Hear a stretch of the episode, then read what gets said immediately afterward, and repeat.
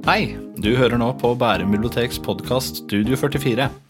Ti forfattere, 30 bøker er en del av prosjektet Aktiv formidling og er sponset av Nasjonalbiblioteket. Velkommen til eh, Bærum bibliotek. Eh, Vi sitter i Studio 44, vårt eget eh, innspillingsstudio på Bekkstua. Og dette er del to av podkastserien Ti forfattere og 30 bøker. Her inviterer vi en aktuell forfatter til å snakke om sin siste bok, og tre andre bøker som hun eller han har et sterkt eller spesielt forhold til. Mitt navn er Bent Inge Stein. Jeg er bibliotekar her i Bærum. Og i dag har vi besøk av Eskil Skjeldal. Velkommen. Eskil. Takk.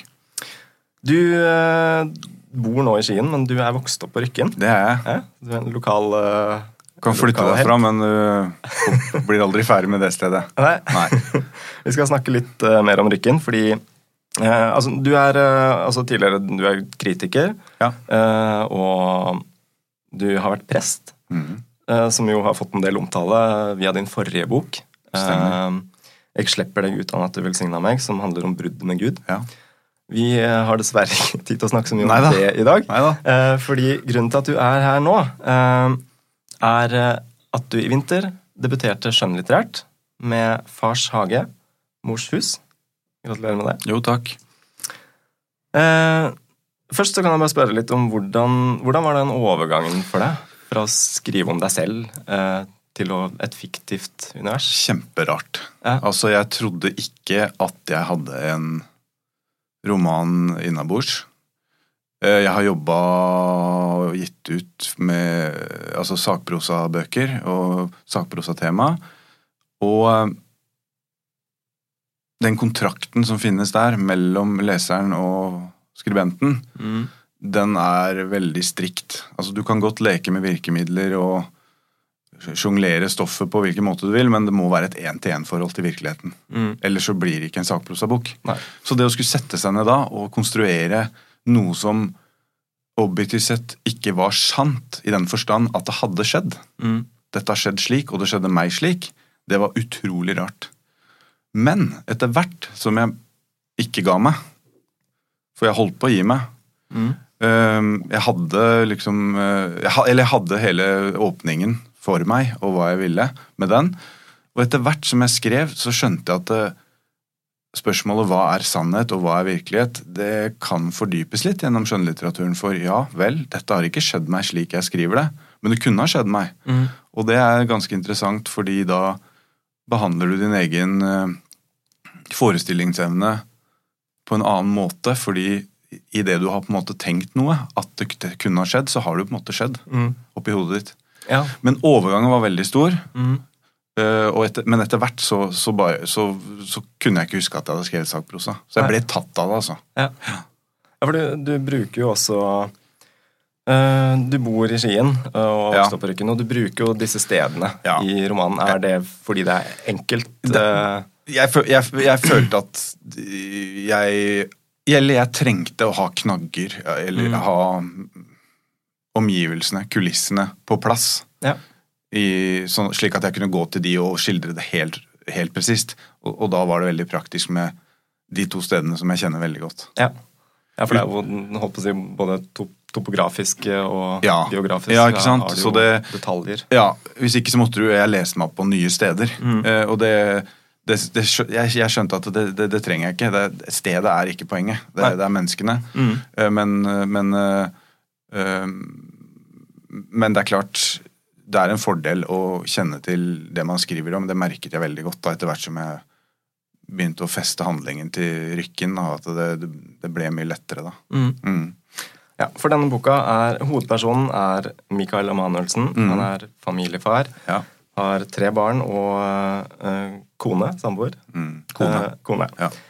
Uh, han har vokst opp i Rykken, og han har et mildt sagt anstrengt forhold til foreldrene sine, som han ikke har sett på 17 år. Mm. Og vi skjønner jo etter hvert at det har vært en del dårlige oppvekstkår der. Mm. Eh, og det preger jo også veldig nåtiden og hans egen familie. Mm. Um, så vi kommer inn i boka når faren dør, og han Mm. skal i begravelsen til faren. Eh, dette er jo Michaels bok og hans fortelling Mm. på alle måter. Hvem er Michael i, i sine egne øyne? En slitsom type. Mm. En utrolig han, Altså, de aller fleste rundt han kan jo ikke være enig barna og kona, eh, Mm. og foreldrene også, at, han, at de blir slitne av han. Men den som blir aller mest sliten av han, er jo han selv. Så, og det er jo fordi han ser veldig godt hva han bør gjøre til Mm. enhver tid, men han sliter med å gjennomføre det.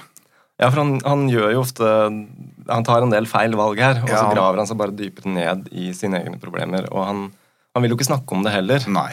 Altså Der hvor han rundt seg kanskje har en del mennesker som mener at det å snakke om det gjør det bedre, så Mm. jeg så, så føler han og vet at hvis jeg snakker om dette, så blir det bare verre. Mm. Og sånn, sånn har jo noen mennesker. altså at eh, Vil du snakke om det? Nei, jeg vil ikke det. Jeg vil ikke snakke mer om det, for da blir det bare så stort. Mm. Så sånn er han. Men det, det er utrolig upraktisk og lite eh, anvendelig i et småbarnsliv med en kone. Så det, det, det, er ikke å anbefale. Nei, og det, det skjer jo en Altså, vi skal ikke røpe altfor mye av handlingen og sånn, men det er Som leser så kjenner jeg liksom noen ganger på at eh, det er litt frustrerende å se at han, han forstår hva han bør gjøre. Ja. Det er annet en episode med en dørklinke som går eh, ja, helt av skaftet, for å si det Mm. sånn. Mm. Uh, og han har klare ideer om hvordan han bør håndtere situasjonene, og så gjør han det likevel ikke. Og det, det er jo på mange måter forståelig, det er litt gjenkjennelig at man kan stå på det vippepunktet. Men det å liksom hele tiden ikke eh, klare å forholde seg til det, og bare ta de destruktive eh, løsningene Og skamme seg etterpå. og skamme seg etterpå. Ja, det er jo Altså, han, han har nok ingenting imellom ren apati og brute force, altså Mm. ren makt. Så for å overleve så klarer han ikke å finne det mellomrommet eh, For å overleve mentalt, da, så klarer han Mm. ikke å finne det mellomrommet som alle i, parforhold må liksom jenkes til. da. Ja. Eh, Det er liksom enten sort eller hvitt for han. Enten så ligger han i senga og sliter med en veldig frynsete mental helse, Mm. eller så går han på smell etter smell hvor han eksploderer. da. Mm. Eh, Så der har han en del å lære Mm. i det mellomrommet der. Ja. Ja. Og vi får jo etter hvert eh, så kommer det jo en del historier fra barndommen og Ja. ungdomstida, så vi, vi får et lite bilde av hvordan han har eh, jeg holdt på å si blitt som han har blitt, eller Ja. hva som har skjedd med han da, som har gjort at han Uh, Og det er jo det han har vokst opp med. Ja. Et hjem der det ikke har vært snakk om følelser og Nei. Nei, og jeg, og jeg skal ikke si at alle har det sånn, men er det ikke slik da at på et eller annet tidspunkt i livet plutselig kommer barndommen igjen, kanskje i forbindelse med at vi får Mm. egne barn. Eh, Han har bare trykket vekk sin egen oppvekst. Han, Mm. var, han er jo rent sånn objektivt sett vokst opp i en ekstremt dysfunksjonell familie. Mm. Enebarn, to veldig tause og uh, ubearbeidede foreldre, egentlig, på sine egne ting. Mm. Uh, Og når du da skal stifte din egen familie og sette i gang med dette spillet, som også er en del av en familie, Mm. det er jo en slags lek hvor ting skal skli, så, så får han hele barndommen i, i fleisen. Og, og har oversikt over hva som gikk gærent, men klarer ikke å bryte de mønstrene. Så det handler jo om hvordan vi som foreldre, eh, eller, og barn da, Mm. av våre foreldre, skal prøve å identifisere og klare å bryte de ødeleggende mønstrene som vi selv er indirekte påført da, gjennom vår egen oppvekst. Og det trenger jo ikke være noe at far eller mor var narkoman eller alkoholiker eller slo. Det kan være, og for det var det jo ikke i dette tilfellet, men Nei. omsorgssvikt har mange, har mange ansikter. da. Ja, for det er det jeg også tenkte når jeg leser det her, at det er jo en slags usynlig omsorgssvikt. det er jo ingenting som, man kan ta eh, dem på. Nei, og, og for hans del også så blir jo dette en del av problemet etter hvert. At han, han, han forstår ikke helt Eller eh, hva var det egentlig som skjedde? Og så begynner han kanskje å tvile litt på sine egne minner, fordi han har liksom ikke noe konkret Ja. eh, å henge det på. Ja, ikke Altså, sant? Og det er, det er også en roman om barndomsminner. Mm, Er de sanne? mm, Eller har, vi, har jeg konstruert meg dem fordi det passet meg? mm, Og så klarer ikke han å komme ned til hva som faktisk skjedde. Man husker bilder og bruddstykker, og sånt, men så har han en veldig sånn utviklet eh, eh, forteller, eh, eller hva skal man si, narrativ evne. da. Så han har lagd seg masse historier om hvordan det var, men han blir veldig i tvil om var det bare noe jeg lagde som et forsvarsverk, eller Mm. skjedde det der? Ja, for det også er jo noe av den når han ikke snakker om det. Ikke sant? eh, Så, Så får han jo ikke korreksjon. Han bare inne i seg selv. Og han har jo nekta kona si å møte dem. Ja. Så hun, han kunne jo hatt en alliert i henne. Mm. En som kunne sjekket ut med Han kunne sjekket ut med ja, opplever du mor og far sånn også. Mm. Eller, eller er jeg på bærtur? Men det har han jo frarøvet kona si, da. Mm. Og så er det dette med å Altså, han som Han føler jo selv at han svikter sin egen familie, og Og han gjør det. Eh, Han gjør det, og Ja. han får ikke til livet, og så ser han rundt seg naboen i 4B, for eksempel, som, eh, som får det til. Med forakt og Eh, misunnelse. ja. Det er liksom det han Ja. sitter med, da. Han er jo sjalu på dem, ja. men så forakter han dem fordi han ikke får det til sjøl, ja. Mm. Mm. Det er ikke noe Altså, han, han klarer liksom ikke å se det at han kan lære noe, eller prøve å gjøre ting annerledes. Det er liksom bare den Jeg tror han har lyst, og han, han, han prøver vel ikke, men han, han, han Det er et par anledninger hvor han annet øh, havner ute i denne trampolina med alle barna og kona, og de barna skjønner jo mer enn det ord kan si. Så, så han prøver jo kanskje litt her og der, men det faller jo dødt til jorden. mm, Du har ikke tid å ligge og ha vondt i sjela di når du har tre små barn. Nei. Nei, det skjer ting hele tida. Ja, det skjer Og noe det- Ja. Ehm, ja, altså ungdomstida, eh, der er det jo Han eh, finner jo et fellesskap i et eh, utenforskap, kan vi vel si, Ja. på Rykken. Ja, absolutt. Når du skrev om det ungdomsmiljøet Ja. som han vanker i, er det altså, det jeg kunne ikke unngå å legge merke til at det faller jo sammen omtrent med din egen ungdomstid. Mm. Er det miljøer som du på en måte har konstruert, eller er det et bilde av Rykken også på Ja. den tida? Det er både og. Det er jo miljøer jeg har konstruert, men det er også et bilde fordi eh, da jeg vokste opp på Rykken, så var vi litt etter de første, de første generasjonene som var født rundt 68, 69, 70. De, Mm. Mange av de gikk det dårlig med. Det ble mye stoff. Eh, og det var mye sånn Det var mye kriminalitet på Rykken da jeg vokste opp. Mm. Det var det. Eh, det var storebrødre eller storesøstre, de som gikk i klassen min, som var Noen av dem var døde. Mm.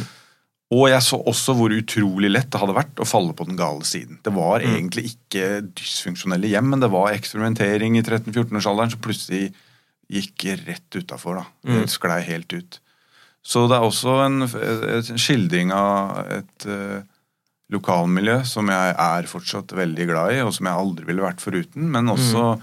et slags tidsbilde av, av, de mørke sidene på Rykken, da, som også Nicolai Frubenius har skrevet om. Eh, Så, ikke sant, I teori og praksis. Sånn det, Mm. Så dette, dette vet jo vi som er fra Bærum, at Rykken var belasta. Ja. Det, det flyttet for mange mennesker inn på for kort tid og hadde ikke nok fritidstilbud. Mm. Så det var et stort sosialt eksperiment, og det gikk dårlig for mange. Mm. Men mange så gikk det helt fint for. Ja. Ja. Og det er jo der noen av de tilfeldighetene Ikke sant? ofte kommer inn også. Ja, men Så det vil jeg prøve å få fram, da, at hvor lite som skal til i et menneskes liv før det liksom Mm. Det kunne ha vært meg. Ja.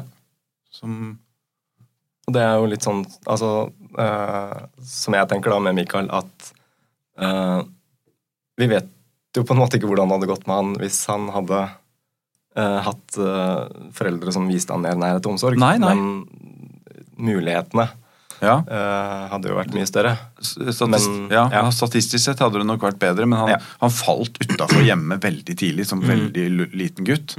Og, og søkte seg ut av den familien så fort han kunne ha muligheten til det. liksom. Mm.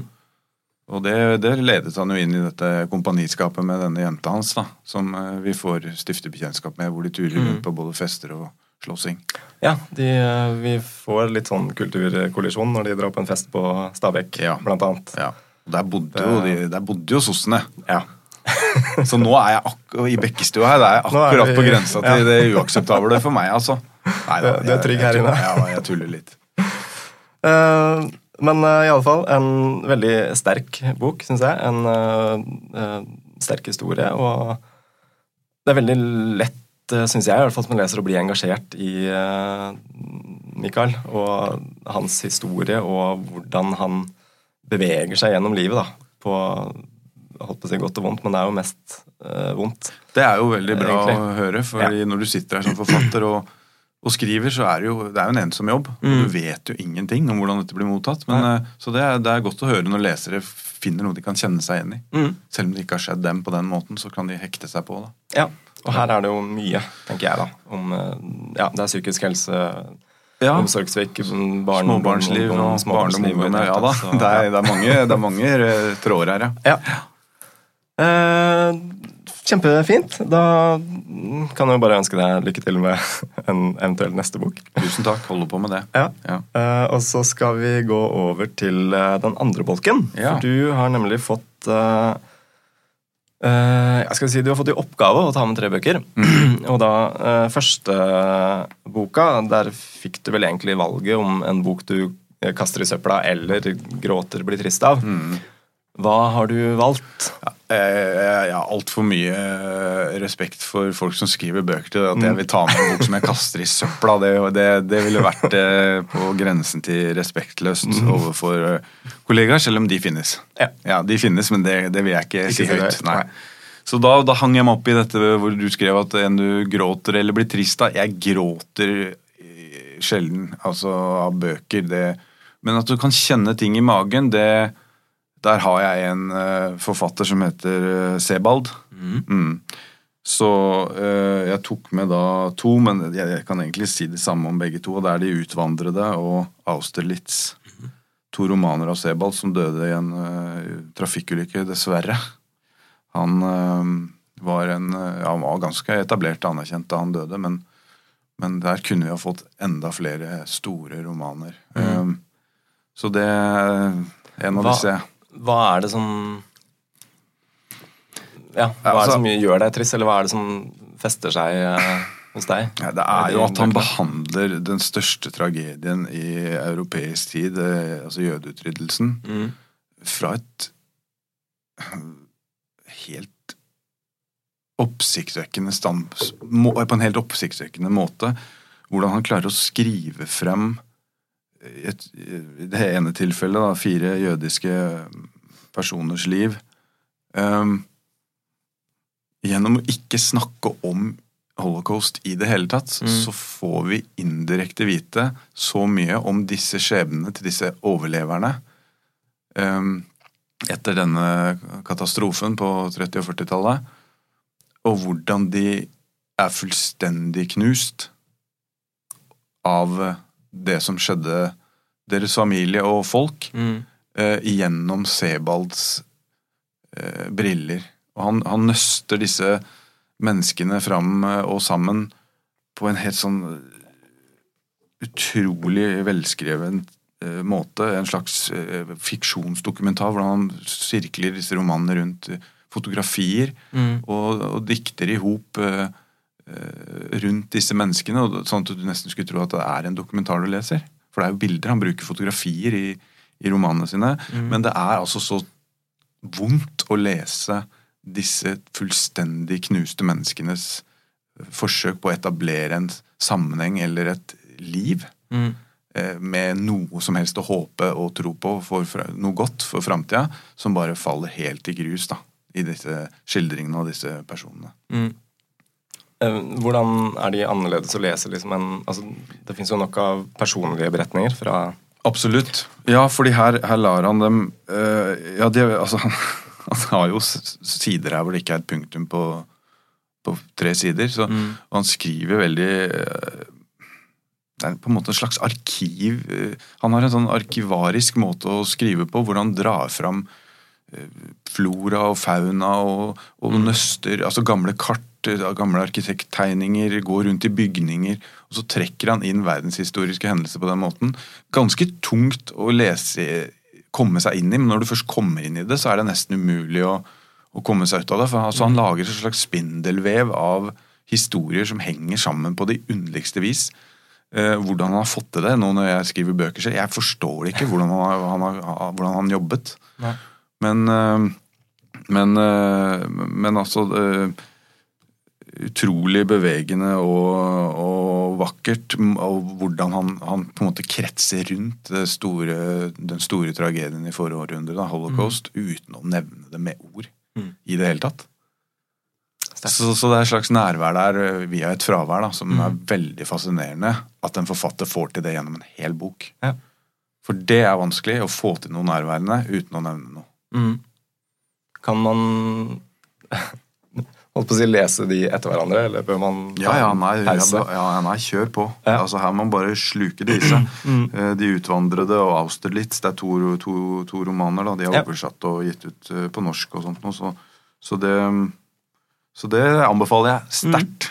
De, de bøkene kommer til å være med meg resten av livet. Og jeg må lese dem om igjen og om igjen. Og så oppdager du, sånn er det ofte med stor kunst. da, Du oppdager noe nytt hver gang du leser det. Ja, få et annet perspektiv på Ja. det når du Ja. Eh, Yes.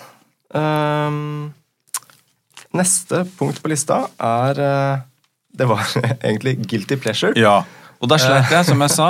Det, det har jeg ikke, altså, når det, når det kommer til eh, Altså, skamme seg altså, er, Sier forfatterne som kommer hit, at de ikke har noen sånne? Altså. Ja, altså det, det er jo ikke nødvendigvis det å eh, Holdt på å si eh, Eller jo, det er jo en form for skam der, Ja. men, men det er jo også det at du eh, Det føles kanskje litt pinlig, eller du innbiller deg kanskje at Ja. andre vil Ja, ikke sant? Det, er det, mene det, sier jo, det sier jo mer om personene det. Det sier mer om personene som Ja. har guilty pleasures, enn om det de har guilty pleasures på.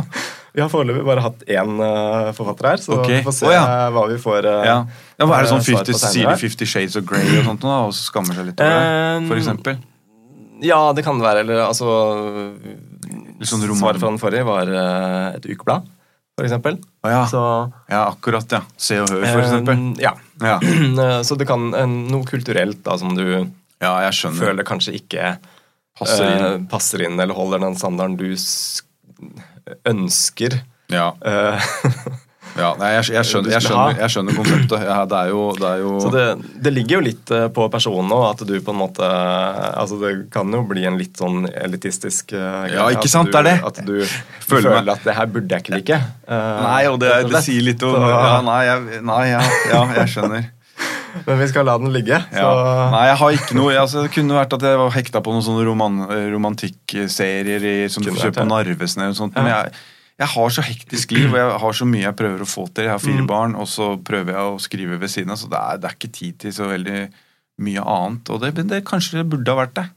ja, jeg må si jeg kjenner det jo litt igjen. Fordi Ja. lista over ting jeg føler jeg skulle ha lest, eh, den er veldig lang. Mhm. Og den vokser seg jo bare større, eh, egentlig. Altså, Ja. Du rekker jo aldri å ta igjen Det er akkurat det. det du skulle ha lest. Det er så, akkurat eh, Ja. Og nå når, du skriver, når jeg skriver selv, da, så Mhm. merker jeg veldig godt at jeg, jeg klarer ikke å lese.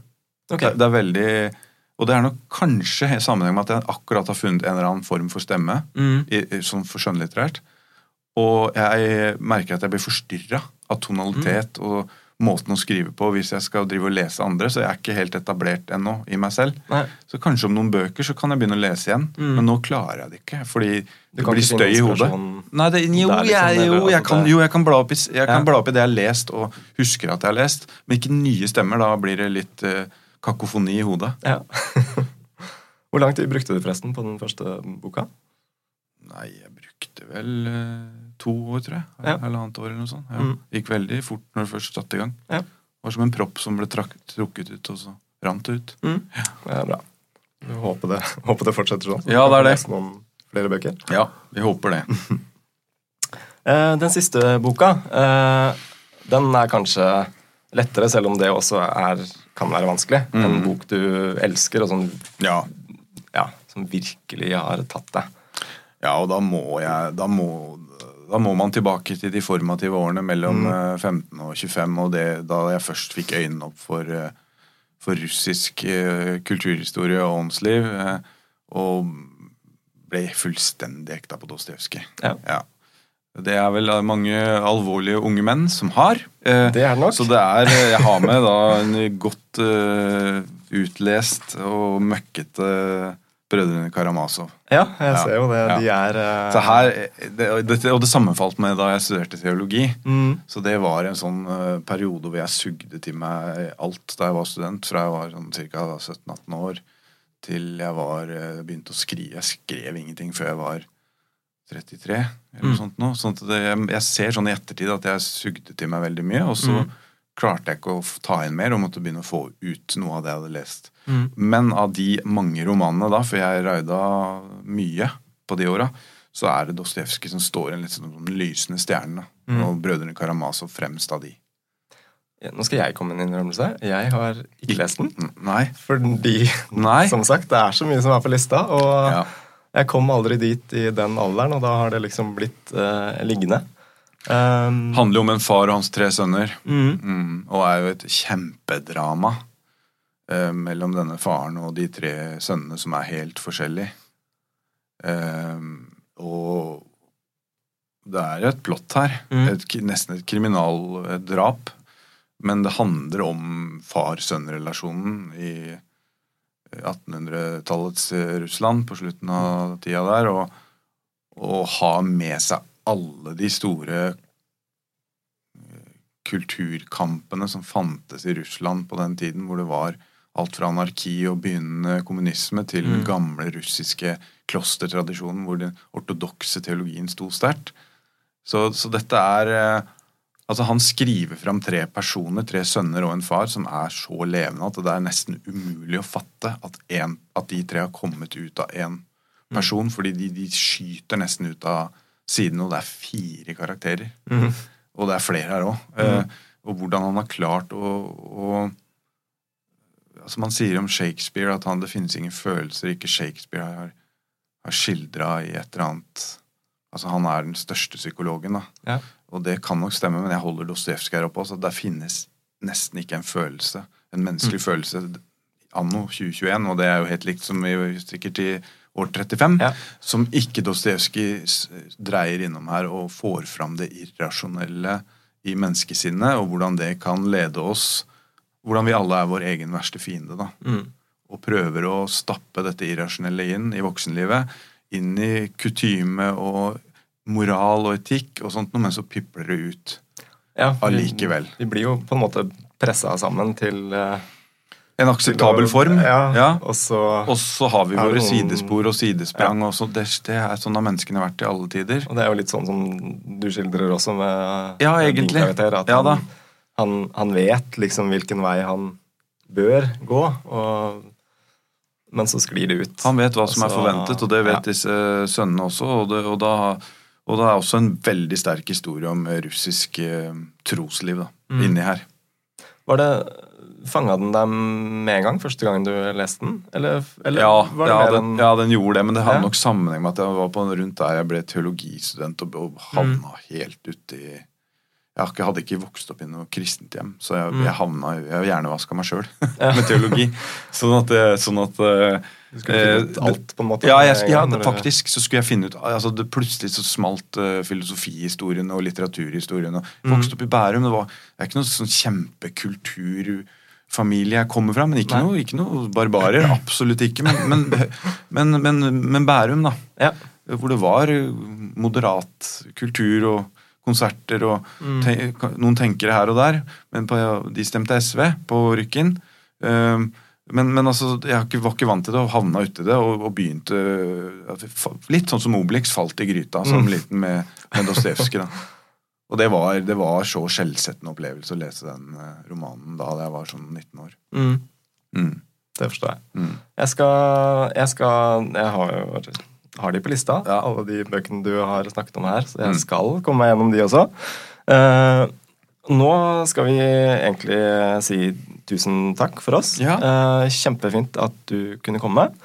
Eh, romanen 'Fars hage', Mors hus, kan lånes på biblioteket hvis du Mhm. ønsker det.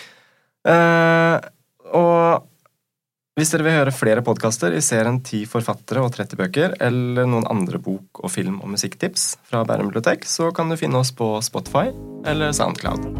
Tusen takk for oss.